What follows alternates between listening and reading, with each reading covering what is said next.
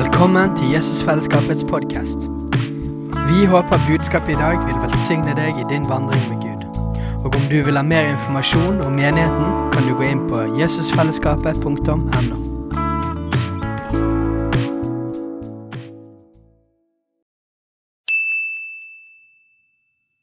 Hei! Visste du at Jesusfellesskapet starter en ny bibelskole til høsten? Den heter Jesusskolen og starter den 3. september. Gå inn på jesusskolen.no for mer informasjon. Da skal, vi, eh, skal jeg begynne litt undervisningen, eller talen, eller hva du kan kalle det. Så får vi se hvor vi lander i dag. Jeg må begynne med det viktigste. Nei da. Vi må begynne med en vits i Fredriks, eh, i Fredriks ånd. Halleluja. Amen. Under bryllupsprøven henvendte brudgommen seg til presten med et uvanlig tilbud. Jeg vil gi deg 1000 kroner hvis du endrer bryllupsløftene. Når du kommer til den delen der jeg skal love å elske og ære og adlyde og være trofast mot henne for alltid, vil jeg sette pris på hvis du bare ville utelate det. Presten godtok dette, så han ga presten en tusenlapp og gikk fornøyd av sted. På bryllupsdagen da det var tid for brudgommens løfter, så presten, så presten unge mannen dypt i øynene og sa vil du love å sette deg selv foran henne, følge hennes, hvert, følge hennes hvert eneste befaling og ønske, og servere frokost hennes på sengen hver morgen i livet ditt, og sverge evig for Gud og din vakre kone at du ikke engang vil se på en annen kvinne så lenge som dere begge lever? Brudgommen gulpte og så seg rundt og sa med en liten stemme, ja, det gjør jeg. For deretter å lene seg mot presten og hviske. Jeg trodde vi hadde en avtale. Presten la en tusenlapp i brudgommens hånd og hvisket tilbake. Hun ga meg et bedre tilbud.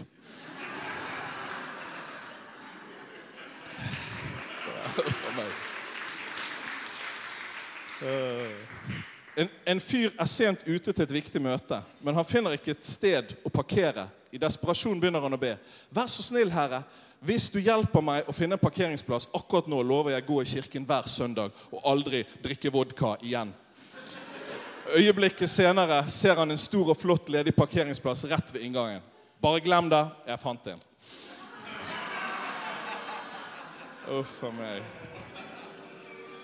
Ouch. Ouch. Tuff, ja, det kan du si. Jeg må ha Bibelen min her, Fredrik. Bare ta den opp til meg. Um, ja, sånn er det. Da Så for dere som ikke kjenner meg, så det er jo noen. Uff a meg. Det var. Du får litt sånn vondt inni deg. Eh, dere som ikke kjenner meg, så heter jeg Øystein Hilleren. Jeg er 39 år. Eh, jeg er født her i Bergen. Bodd litt forskjellige steder. Jeg bodde tre år i London da jeg vokste opp. Så familien min bor på Østlandet for det meste. Søstera mi bor her i byen. Jeg har fem gutter. Eh, ja, Så det er velsignelse. Og selvfølgelig krevende. Fem, eh, fem gutter. Åtte, to på seks, eh, en på tre og en på åtte måneder. Bare gutter. Så da vet du, I går så var vi på NM i skiskyting i Vik, så da hadde jeg med meg de fire eldste inn der. Møtte noen venner der inne, så det var, da er det full guffe. Men eh, de er veldig gode gutter. Så det er, og Veldig glad jeg går på ski. Flere av dem, spesielt han eldste. Når du bor på Voss, som vi gjør, jeg bor på Voss, eh, så er ski det er viktig. Så Peter han er åtte år og fikk skøyteski til bursdagen sin, så han går fra meg på ski nå omtrent. Og i hvert fall fra moren. Så ja. Så jeg har vært i Jesusfellesskapet siden starten. Så jeg eh, tror jeg kom før Fredrik og Steinar. Ja. Så eh, det er litt morsomt, for av, og til, oi, av og til når jeg kommer her, så spør folk meg ja, hvor, hvor, er, du, hvor er du fra, liksom. Og eh, liksom, ja, hvem, hvem er du? Jo, så, ja, har du vært her før, eller liksom Det er litt morsomt. Så, men vi er her av og til i Jesusfellesskapet. Eh, i Bergen. Og så er vi på Voss, så vi er, driver bønnehus der. Det kan du si er vår hovedtjeneste. da. Så det er fantastisk. Vi, Rebekka og Jørgen driver jo mye med det samme her. Så vi har dette på hjertet med å bønne tilbedelse 24 timer i døgnet. Bare opphøye Jesus og løfte opp hans navn over bygda. Eh, og bruke tid med han. Og så ber vi for, for bygda, om vekkelse, for Norge, for Israel og alle mulige sånne ting. Så det er fantastisk. Ja. I dag skal jeg ikke snakke om bønn. Jeg tror jeg er første gang på jeg vet ikke hvor lenge. Eh, alt handler jo om bønn på et vis. Det er sånn, Hvis du snakker med en evangelist, så handler alt om å fortelle om Jesus. Hvis du snakker med en, eh, en eh, forkynner, eller noe sånt, så handler alt om eh, liksom, å, å forkynne evangeliet eller fortelle, liksom, bygge menigheten. eller... Og når du snakker med bønnefolk, så alt handler om bønn. Men vet du hva? Alt handler om bønn. Jeg har rett. så så du det. Jeg forteller dere et par vitnesbyrd. Jeg er utdannet lærer. Ja, vi lever litt spesielt. Jeg er utdannet lærer. For tre år siden så opplevde jeg veldig eller tre og et halvt ble det nå snart, så opplevde jeg, jeg har lenge hatt et kall da, eller et lengsel om å, om å drive, bruke enda mer tid på dette med bønn og Guds rikes arbeid. Så Jeg jobbet på en skole. Jeg sa det vel til eh, Maria her. eller noe sånt, vi går bort her. Jeg jobbet på en skole ett år som vikar. Eh, 60% Og så, eh, på slutten av det året, så hadde jeg ikke noe mer jobb. Og så eh, lurte jeg veldig på hva jeg skulle gjøre. Sant? Vi har fem gutter, da hadde vi fire. da. Vi har hus og bil. og ja, Man trenger penger for å leve, det vet alle sammen. Men jeg hadde en lengsel da, etter det her å, å, ta et steg ut i dette. Og, og ikke jobbe sånn vanlig, da, men, men, å jobbe mer inn i Guds rike. Eh, uten betaling. så det var hjertet mitt. Og så En dag så går jeg og lurer på da, hva jeg skal gjøre. Dette var vel begynnelsen av september. Eh, og da går jeg og lurer. Hva skal jeg gjøre for noe? liksom? Hva, hva, hva, skjer? Vi hadde ingen penger. Det var null på kontoen. Jeg vet ikke hvor mange her som opplevde å ha null på kontoen. Det har jeg opplevd, ja. Her er noen her flere som opplevde det. Eh, og du har, skal forsørge familien. Og Så går jeg bort på skolen, for jeg har en avtale der. Jeg skal være vikar litt der, som jeg hadde jobbet. Og da sier han rektoren sier til meg da Du, Øystein, du, vi har en 100 stilling her. Eh, ja, Du kan jo liksom søke på den, på en måte, sier han til meg. da. Indirekte så vet dere hva det betyr. Liksom, ja, hvis jeg søker på den, så får jeg nok den jobben, da. Eh, jeg, men jeg, i mitt hjerte så ble jeg veldig usikker, for jeg hadde hadde ingen penger. Så sånn OK, Gud, hva skal vi gjøre her? Og så går jeg hjem, da, fortsatt veldig usikker. Jeg, jeg var ikke noe sånn her eh, 'Dette sier vi nei til.' Og jeg, jeg ikke, så hadde ikke så mye tro. Og så Samme dagen så kommer det en, en dame hjem til oss, og så sier hun det. 'Øystein, jeg, jeg, kjenner at jeg skal støtte dere med 3000-4000 kroner i måneden i tre måneder framover. Og da bare kjenner jeg at OK, Gud, da er du i dette som jeg har i hjertet mitt. Da, har, da, da er det noe mer der enn bare at, eh, at, jeg har liksom lyst til det. Så da tar vi sjansen. sant? Ikke så veldig smart, vil vanlige folk si. Eh, fire gutter, huslån, bil, bla, bla, bla. Men vi kjenner ja, vi tar det steget. Så etter det så har vi levd litt sånn her eh, i tro til Gud, at han skal forsørge oss. Eh, vi har litt utleieleilighet, vi eh, har litt folk som støtter oss, og så har vi Gud som støtter oss, eller minner folk på å støtte oss. Så Sånn har vi levd nå i tre og et halvt år, og det er utrolig spennende er, og gøy når du er på toppen. Også når det er minus på kontoen, og mye minus og så er det ganske tøft. Så, men Gud er så trofast. og nå i, nå i, høst så var vi ganske kraftig minus. Og Da var det en dag jeg gikk. da. Jeg tror dette var samme dagen. skal ikke si helt sikker, men Da går jeg, skal jeg gå en runde. Jeg går alltid sånn bønnerunde på Voss. Og så uh, går jeg en runde, og så bare kjenner jeg nei, jeg skal gå den vanlige bønnerunden min. Jeg var liksom på vei en annen vei. Og Da treffer jeg på en dame som jeg kjenner, og vi prater litt og prater om livet. og, og Da har vi ingenting på konto. Gud, hva, for Av og til når vi ikke har penger, så spør jeg Gud Gud, er det noe vi har, er det måte noe vi har eh, noe du vil si til oss gjennom dette. Eh, for det, har jo, Gud har jo sagt det til oss, men at det, kanskje det er noe vi må omvende oss fra, eller noe liksom Gud vil gjøre. da. Så jeg gikk og tenkte på disse tingene. Og Så møter hun damen, og jeg forteller liksom om livet, og vi snakker om det. Og jeg har en veldig fin prat om forskjellige ting. Så går jeg videre etter å snakke med hun, og så senere på dagen så får jeg liksom en vips da, fra denne personen. 500 kroner eller jeg vet ikke, hva, 1000 eller Så bare, åh, ok Gud, det var godt. Så samme dagen, så Jeg tror dette var samme dagen. Jeg får ta det, jeg husker ikke helt, men det var i hvert fall rundt samme tiden. Så går jeg på butikken, og så har jeg glemt kortet mitt. da. Eh, jeg vet ikke hvorfor jeg hadde lagt det igjen hjemme. Og så kommer jeg i kassen, og så bare Oi! Jeg var jo allerede i minus, men vi, hadde, vi gikk på kreditt. Så altså, ok, vi må jo ha mat, liksom. Og så, og så må Oi! Jeg har glemt kortet mitt. Og så bare hører jeg bak meg, da. Øystein, jeg skal betale for deg. så er det en, en, sånn asylsøker da, som jeg, på, jeg jobber på asylmottak, som gir meg bare sier, ja, du, Så bare Ja, jeg betaler for deg. Jeg bare Ja, kult, liksom. Og så samme dagen, da, så går jeg på butikken igjen. Og så klarer jeg å glemme kortet igjen. Og det var ikke med vilje. Og jeg, kommer, jeg, jeg handler liksom noen småting, og sånt, og så går jeg i kassen og så bare Oi, jeg glemte kortet mitt igjen. Og så, ja, kan jeg, kan, så spurte jeg kassen ja, kan jeg liksom legge det her, kan jeg liksom komme tilbake. eller, Nei, det gikk ikke. Og så jammen så hører jeg ikke bak meg igjen. Øystein, jeg kan betale for deg. og da er det en annen asylsøker som jeg har på mottaket, som betaler for meg. Og jeg bare sånn Ja. Så Det er så fantastisk hvordan Gud er vår forsørger. Og Vi hadde en annen liksom, morsom opplevelse her i, i, vår.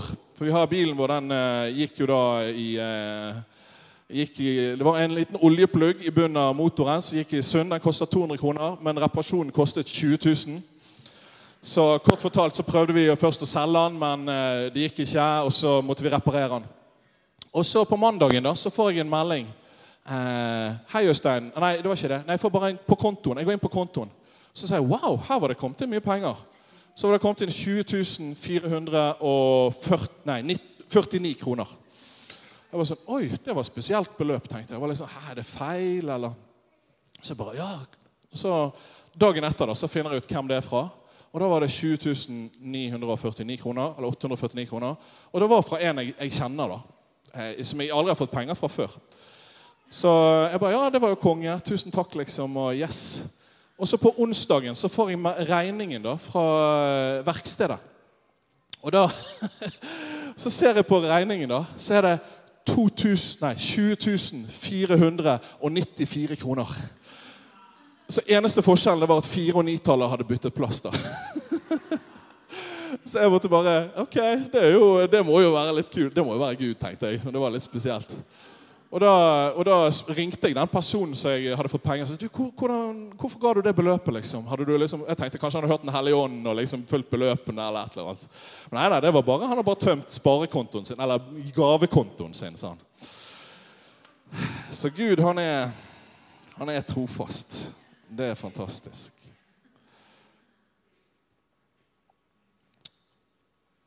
Vi skal snakke litt om det å leve radikalt overgitt til Jesus og ta radikale valg. Det er litt ut fra kapittel 10 i boken min. Eh, men jeg har kalt talen 'Et overgitt liv til Gud'. Og Noe av min lengsel for oss og for meg og for min familie det er at vi skal få leve et hverdagsliv der vi forandrer verden. Men aller mest et hverdagsliv der vi har lagt ned våre liv for Jesus og elsker Han.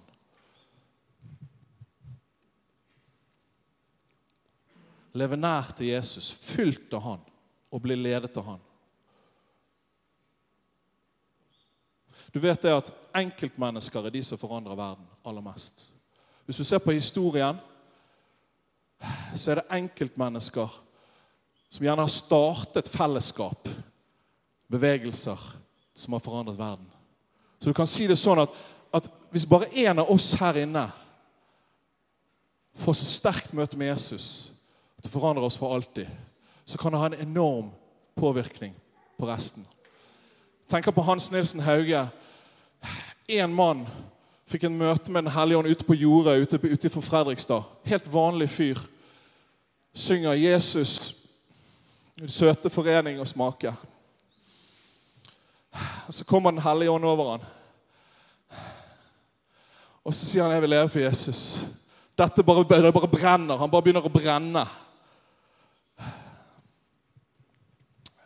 Og så ser vi 200 år etterpå så ser du bare sporene etter Hans Nilsen Hauge fortsatt er så tydelig i nasjonen vår.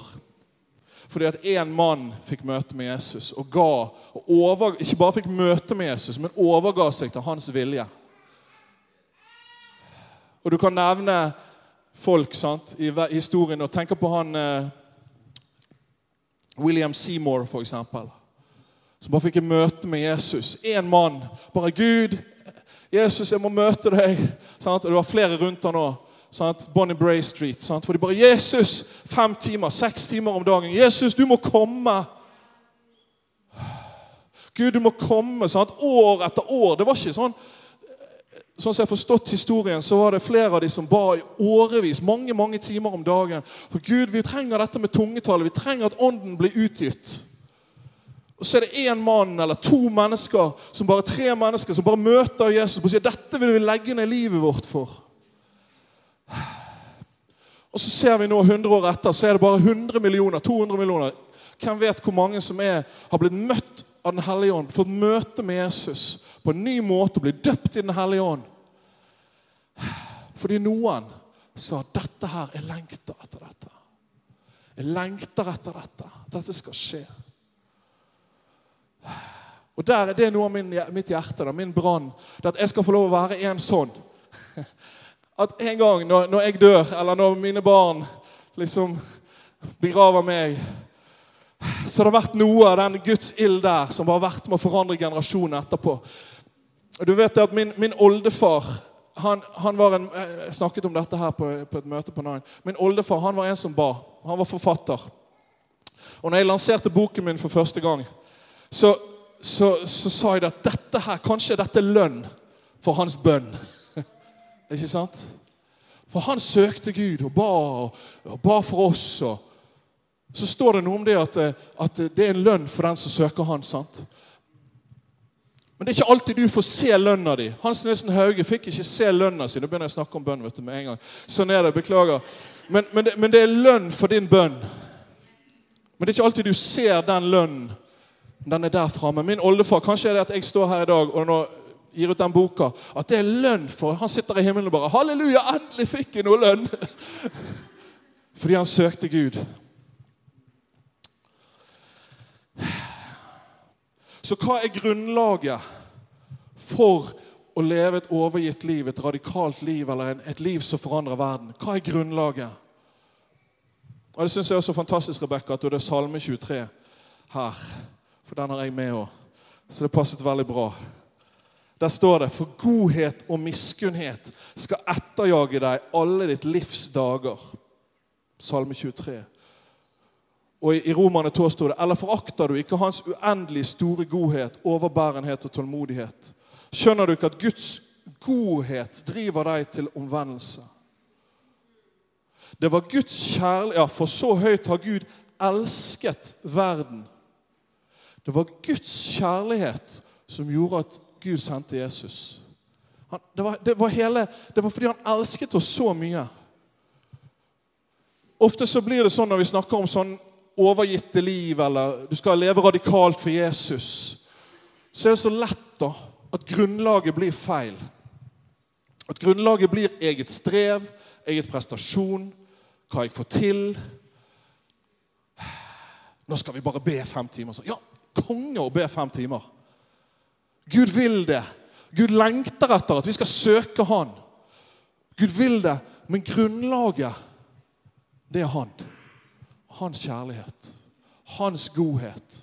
Han elsker oss. Lenge før vi elsket Han, så kommer Han med sin kjærlighet.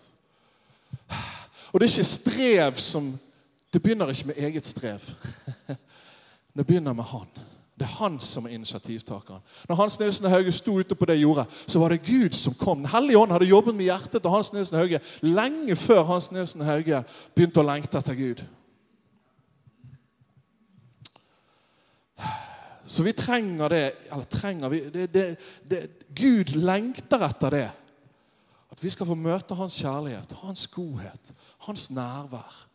Og så ønsker han å lokke oss eller dra oss inn i dette livet som vi hører om. Sånn som skjedde på Austevoll. Sånn som skjedde, som skjedde i mitt liv.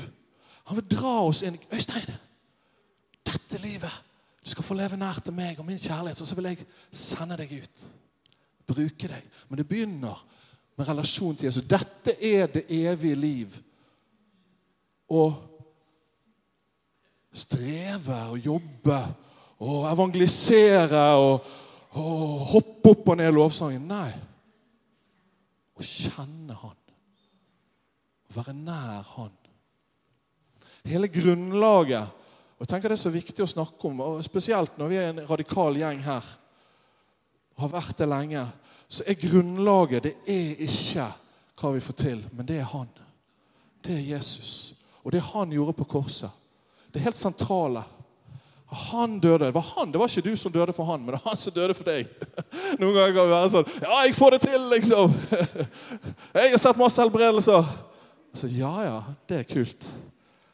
Men det handler om han. Det handler om Jesus. Det handler om korset. Det handler om det enkle evangeliet. At han døde for meg fordi han elsker meg. Og han døde for deg fordi han elsker deg. Og så må det få lov. Jesus, må du hjelpe oss. Det er en bønn som jeg, jeg, må be. At det må nå. Vi vet jo alle dette, men Gud, må det nå fra hodet mitt og ned i hjertet mitt. Og Dette her vet jeg Bruce og Ellen og, og flere her. Dette med Guds farskjærlighet. Dere bærer det. At Gud må det, det er ikke det at det er noe nytt. Dette er ikke noe nytt. Men det må det få nå hjertet vårt. For det er konsekvensen av det Jeg vet Sverre snakker mye om dette her. Konsekvensen av det, Hvis ikke dette får nå hjertet mitt Mm. så kommer det, å, kommer det, ikke til å holde. Det radikale livet med Gud det kommer ikke til å holde. Det er ikke. Evangeliseringen det kommer ikke til å holde. Det går ikke. Det holder en stund, og så detter det sammen. Sterke bønnelivet. Du bare, jeg skal be fem timer hver morgen, og du klarer det kanskje én måned. og så Uff, sant? Og så er Gud nådig. Så kommer han så bare 'Hallo! Jeg elsker deg. Ta imot min kjærlighet.' Det er ikke sånn at Gud bare gir oss opp selv om vi prøver. sant? Eh, men det begynner med det. Det er hjertet vårt. Han ønsker å nå hjertet vårt. Så punkt to. Første punkt var da Nå er, jeg litt sånn Mike Bickel her. Guds kjærlighet og godhet er grunnlaget. Punkt to, hvis du skriver Gi opp vårt eget. Fordi fordi at ja, Når Gud kommer med sin kjærlighet, han møter oss, han kaller på oss, eh, vi får oppleve hans fars kjærlighet. Og så sier han, men Øystein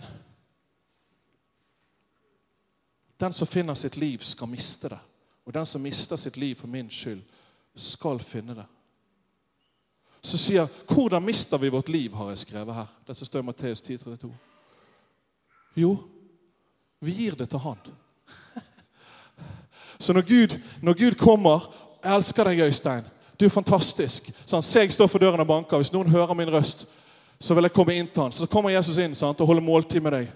Men så sier han nå 'Vil du gi meg livet ditt?' Vil du legge ned dine egne planer? Vil du miste livet ditt for min skyld? Det som er så fantastisk med Gud, det er at når vi gir ting til Han, så får vi noe mye bedre tilbake. Men han kaller oss til å legge ned våre egne ambisjoner. Jeg lever ikke lenger selv, men Kristus lever i meg. Det livet jeg nå lever i sjøl, det lever jeg i troen på Guds sønn. Han som elsket meg og ga seg selv for meg. Galaterne 2,20.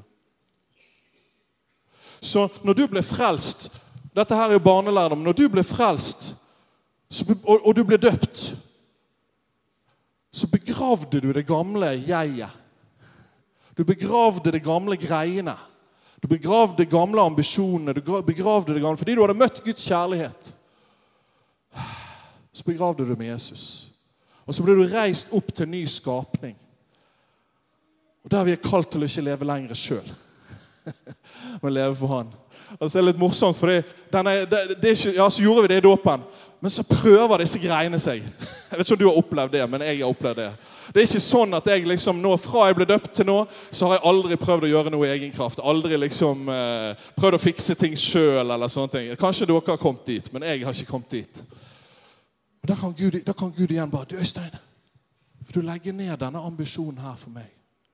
Vil du legge ned det her og bli, bli kjent? Eller vil du legge ned dette her med å For noen er, sant, Jeg og min kone vi er litt forskjellige. Jeg er sånn, jeg elsker Desto, desto større, desto bedre, desto flere folk. Eh, det gøyere syns jeg det. Når jeg spilte fotball, så husker jeg noe av det gøyeste jeg gjorde, det var når vi spilte Norway Cup, åttendelsfinale, eller hva det var mot et brasiliansk lag. Og det var fullt med folk overalt som så på. Jeg syns det var veldig gøy. Så sånn er jeg. sant? Og Min kone hun er motsatt. Hun er litt sånn jeg vil helst slippe å ha for mye folk og se, liksom, holde seg litt i bakgrunnen. Men sant, det kan være begge deler. Øystein, vil du legge ned og være kjent? Vil du legge ned dette her og være mange og være populær og bli sett? Og, vil du legge ned dette for meg? Eller min kone, da. Nå spørre om Gud har sagt det, men som et eksempel da, ok, Vil du av og til faktisk stille deg opp foran? Alle ser på deg. Vil du, vil du, hvis jeg kaller deg, vil du stå fram? Jeg er introvert. Ja, men vil du? Vil du fordi at jeg kaller deg? Vil du legge ned de greiene der? Veldig mange predikanter er introverte. Ikke jeg. Men mange er. Steinar, eksempel. Ikke du det, Steinar? Er du introvert? Litt mer enn meg. Men det er mange predikanter som er introverte. Så da har vi det. Legge ned vårt liv. Og så, og så står det Omvend dere, for Guds rike er kommet nær. Så vi får møte Guds kjærlighet. Dette blir sånn basisundervisning, kjenner jeg. Men det er om, sant? Guds kjærlighet, legge ned livet vårt, og så omvende oss. Metanoia, som enkelt betyr å endre tankesett. Meta betyr å endre. Noia refererer til sinnet. Omvendelse handler dypest sett om å vende sitt blikk og fokus vekk fra oss sjøl og over på Han. Omvendelse er å vende seg vekk fra synden, men òg å være opptatt av seg sjøl, over på Jesus, Han som er hellig. Og så sette vår lit til Han, og ikke til oss sjøl. Jeg leser opp litt mer her. Så kan Han forme våre tanker og verdier. For du vet det, kristenlivet, det radikale livet med Gud, det handler faktisk veldig mye om omvendelse. det høres gammeldags ut, men det gjør det.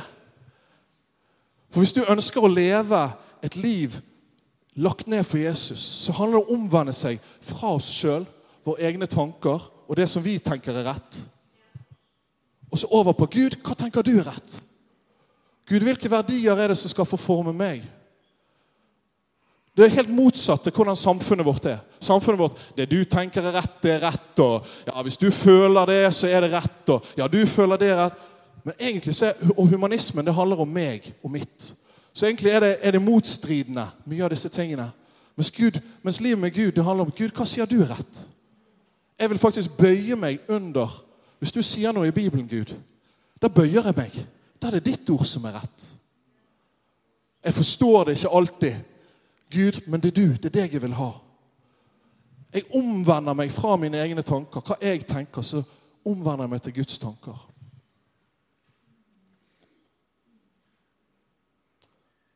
Når vi omvender oss og gir livet vårt til Kristus og tror på ham, får vi del i en ny identitet. Hans identitet. Så når du ble kristen, så skjedde det noe radikalt. Noen sier det, Av og til er det sånn lett å bare bli så vant til det. Men faktisk så er du blitt en del av Jesus. Oi.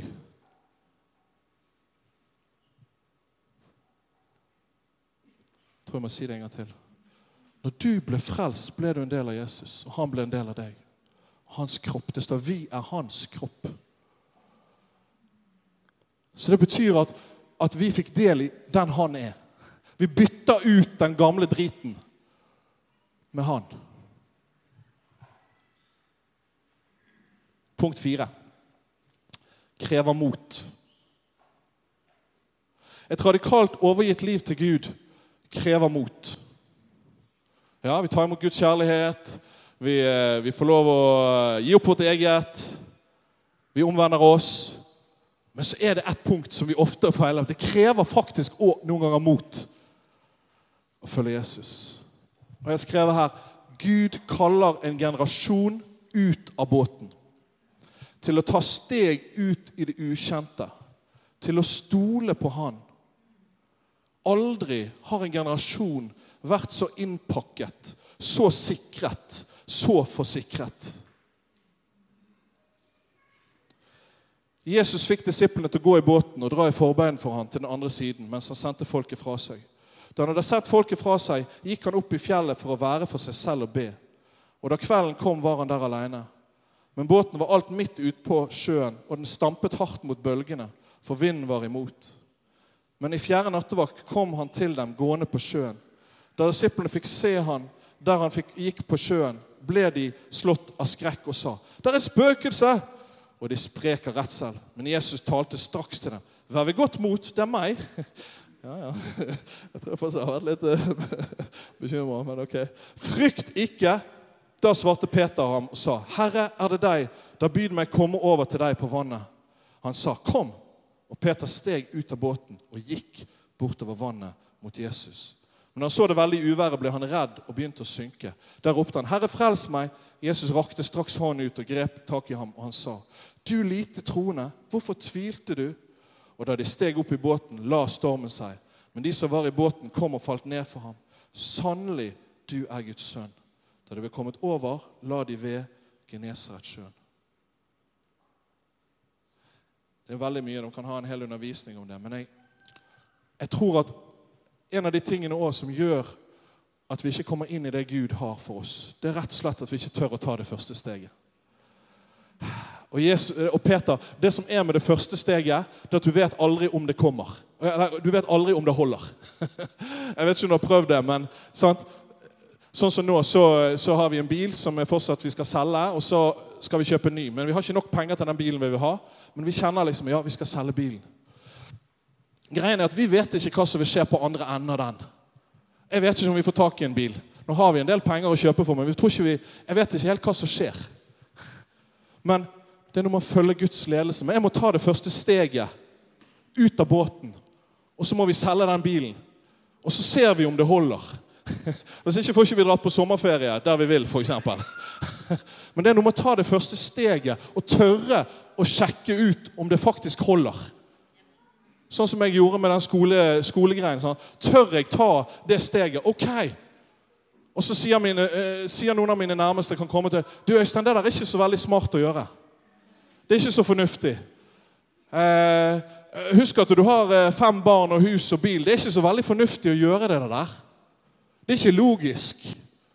Men så er det sånn Men Gud Gud har kalt meg til det. Og Gud har bekrefta det. Det er bra å ha en bekreftelse òg, faktisk. I hvert fall hvis du har fem barn og hus og bil. Det er bra å ha litt sånn, det er greit å ha en bekreftelse, men når du har det Gud, har du sagt det? Ja. Det å tørre å ta det steget. Det kan være ok, kanskje jeg skal flytte til en annen plass. Det kan være kanskje jeg skal begynne med noe som jeg ikke har gjort før. Ut på vannet. Tør å slippe kontrollen. Er noe med dette livet. Hvis du ønsker å leve et radikalt liv med Gud og liv nakne for Jesus, så er det det å tørre å slippe kontrollen. Du vet Vi er kontrollfriker i vårt samfunn. Vi skal ha kontroll på alt.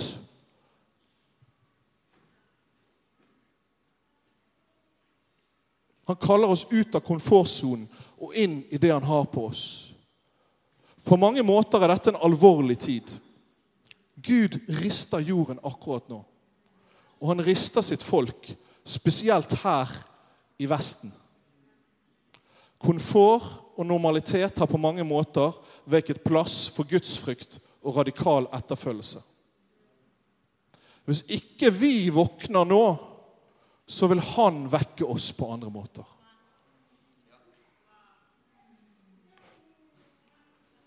Komfort, forsikring, økonomi har veket plass, for gudsfrykt i denne tiden. Istedenfor å stole på Gud, så stoler vi på at staten tar seg av oss. Hvis vi ikke har jobb, så kommer Nav og hjelper oss. Hvis uh, ungene våre blir syke, så har vi fantastiske sykehus. Noe som Gud har gitt oss her i landet. Jeg tror Gud rister jorden fordi at vi har valgt å ha andre guder enn han. Wow. Og Det begynner med oss i Guds menighet. Hvis dette folket som er nevnt med mitt navn, omvender seg Omvender seg. Står det? Omvender seg og ber. Søker meg så vil jeg komme og lege landet. Så vi har et ansvar. Det er litt sånn alvor i dette. her. Det som skjer på innsida av oss, hvis vi har vår tillit og kontroll på ting, og ikke lar Gud ha kontrollen, så begynner han å riste. Det har skjedd med covid allerede. sant? Du begynte med covid, og så gikk du over til krig, og så er det økonomiske ting. Og så kommer det flere ting. Fordi han rister. 'Hallo! Hvem er din Gud?' Og så er ikke det ut av frykt og ut av alle disse tingene her. Ut av hans kjærlighet. Han gjør, du vet, til og med når Gud rister jorden, så gjør han det ut av sin kjærlighet. Og Jeg sier ikke at covid er fra Gud, eller eh, krigen i Ukraina er fra Gud, men han driver på med noe. Det er rystelser i jorden. Haggai 1 og 2, du kan lese der hjemme hvis du har lyst. Men jeg opplever at det er ord for denne tiden. Wow, ord til oss som Guds familie. For det handler om å søke Guds ansikt. Det handler om å bygge Hans hus. Og så handler det om at han rister jorden. Gud kaller oss til å søke Hans ansikt i denne tiden. Så Gud han ønsker at vi skal ta valg og søke Han ut av det som er normalt, ut av, ut av det som er komfortabelt, ut av det som vi er vant til. Wow? For dette er en ny tid. Vi har tatt steg inn i en ny Det er, kommet, det er akkurat som en ny Det er en som sa dette er akkurat som et nytt kapittel. Det er et kapittelskifte i historien. Akkurat det som skjer akkurat nå. Det er et kapittelskifte der Gud ønsker oss inn i noe nytt. Og det er det som noe av det som foregår akkurat nå. Begynner å lande her, tror jeg.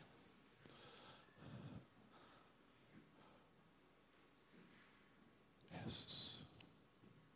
Så han ønsker at vi skal legge ned våre liv. I åpenbaringsboken så står det da falt de 24 eldste ned foran han som sitter på tronen, og tilber han som lever i all evighet, og kaster sine kroner ned for tronen. Verdig er du, Herre, til å få prisen og æren, makten, for du har skapt alle ting. For du ville det, og var de, vi se, fordi du ville det, var de til og ble skapt. Så vi er kalt til det, å legge ned våre liv for Han. Kaste kronene, det handler om hva vi har prestert i livet. Hva vi har fått til. Så vi er kalt til å lage, kaste de ned for Han. Slippe kontrollen. Gi til Han. Jesus. Mm. Så ønsker du det. Ønsker du dette her? Ønsker du å slippe kontrollen? Det er lett å si det. men hva når folk begynner å si Men Katrine, hva driver du med egentlig? Eller Steinar, hvorfor driver du på med de rare pastorgreiene med, med noen få folk inni, inni evangeliekirken? Er det noe poeng i det? Ja, men Hva med økonomien din? Ja, Øystein, hva med utdannelsen din? Du har fire års utdannelse, så driver du med dette bønnehusgreiene. Hva er det for noe tull? Sløser vekk, sløser vekk eh, alle evnene dine. Så man, men Gud, jeg slipper kontrollen. Du har kalt meg til dette. Jeg legger ned det jeg kan for deg. Bruk meg til det du vil. Vil du ha det? Ta imot hans kjærlighet. Hvis du syns det er vanskelig, ta imot hans kjærlighet. Bare legg hånd på hjertet ditt hvis du har lyst til å være med og be. Så ber vi for oss sjøl, for vi trenger hjelp. Vi kan ikke gjøre det i egen kraft, Gud. Så Herre, vi takker deg, Herre, for at hver enkelt her, Herre, har du, elsker du, Herre. Elsker oss sånn som vi så, så i dag. Du elsker oss mer, Herre, enn en noen andre. og du kjenner oss bedre enn noen andre. Herre, må du komme og hjelpe oss Herre, og legge ned våre egne greier, Herre. Og legge egne ambisjoner, Herre. Og legge ned vår egen eh, komfortabilitet. Oh, at vi har andre guder, Herre. Må du tilgi oss, Herre, når vi har dyrket andre guder, her, Om det er fotball, eller om det er komfortabilitet, eller om det er Det kan være mange ting, Herre. Meg sjøl. Så venner vi oss til deg, Herre. Så må du gjøre oss til sånne brennende mennesker, Herre, i våre familier. Mm. Ha. Herre, vi velsigner våre barna Herre, som kommer inn nå, Herre, i Jesusfellesskapet. Vi ber om at de skal få vokse opp, Herre, ha, med din herlighet, Herre. Må kjenne deg, Herre. Takk for at de er så uendelig verdifulle for deg, Herre. Må du hjelpe oss, Herre, og nå neste generasjon, Herre. At vi får se mange sånne Hans Nilsen Hauger eller radikale folk inn på mange måter her, på mange forskjellige samfunnsområder. Herre. Ja, For det er ikke sånn at alle skal bli forkynnere. Bare for å si Det Det er ikke alle som skal bli forkynnere eller eh, liksom bønnehusfolk. Eller, men du, Kanskje du er kalt inn i arbeidslivet eller du er kalt inn i kunst. eller Det handler ikke om det, men det handler om å brenne og legge ned livet der du er. Og gå inn i det han har kalt deg til. Der du er. Og der han har kalt deg. Så du må ikke bli som meg. Eller Steiner eller et eller annet. Ja. Så amen. Hei, alle sammen. Det er Katrine og Steinar Lofnes her. Vi er hovedledere for Jesusfellesskapet. Så kjekt du har lyttet til denne podkasten. Har du forresten hørt noen av de andre podkastene våre? Ukens tale, Disippelskolen, Hyrdepodden, Kulturkrigen og Mammas hjerte. Du finner disse podkastene på Spotify, Apple Podkaster og på nettsiden vår jesusfellesskapet.no.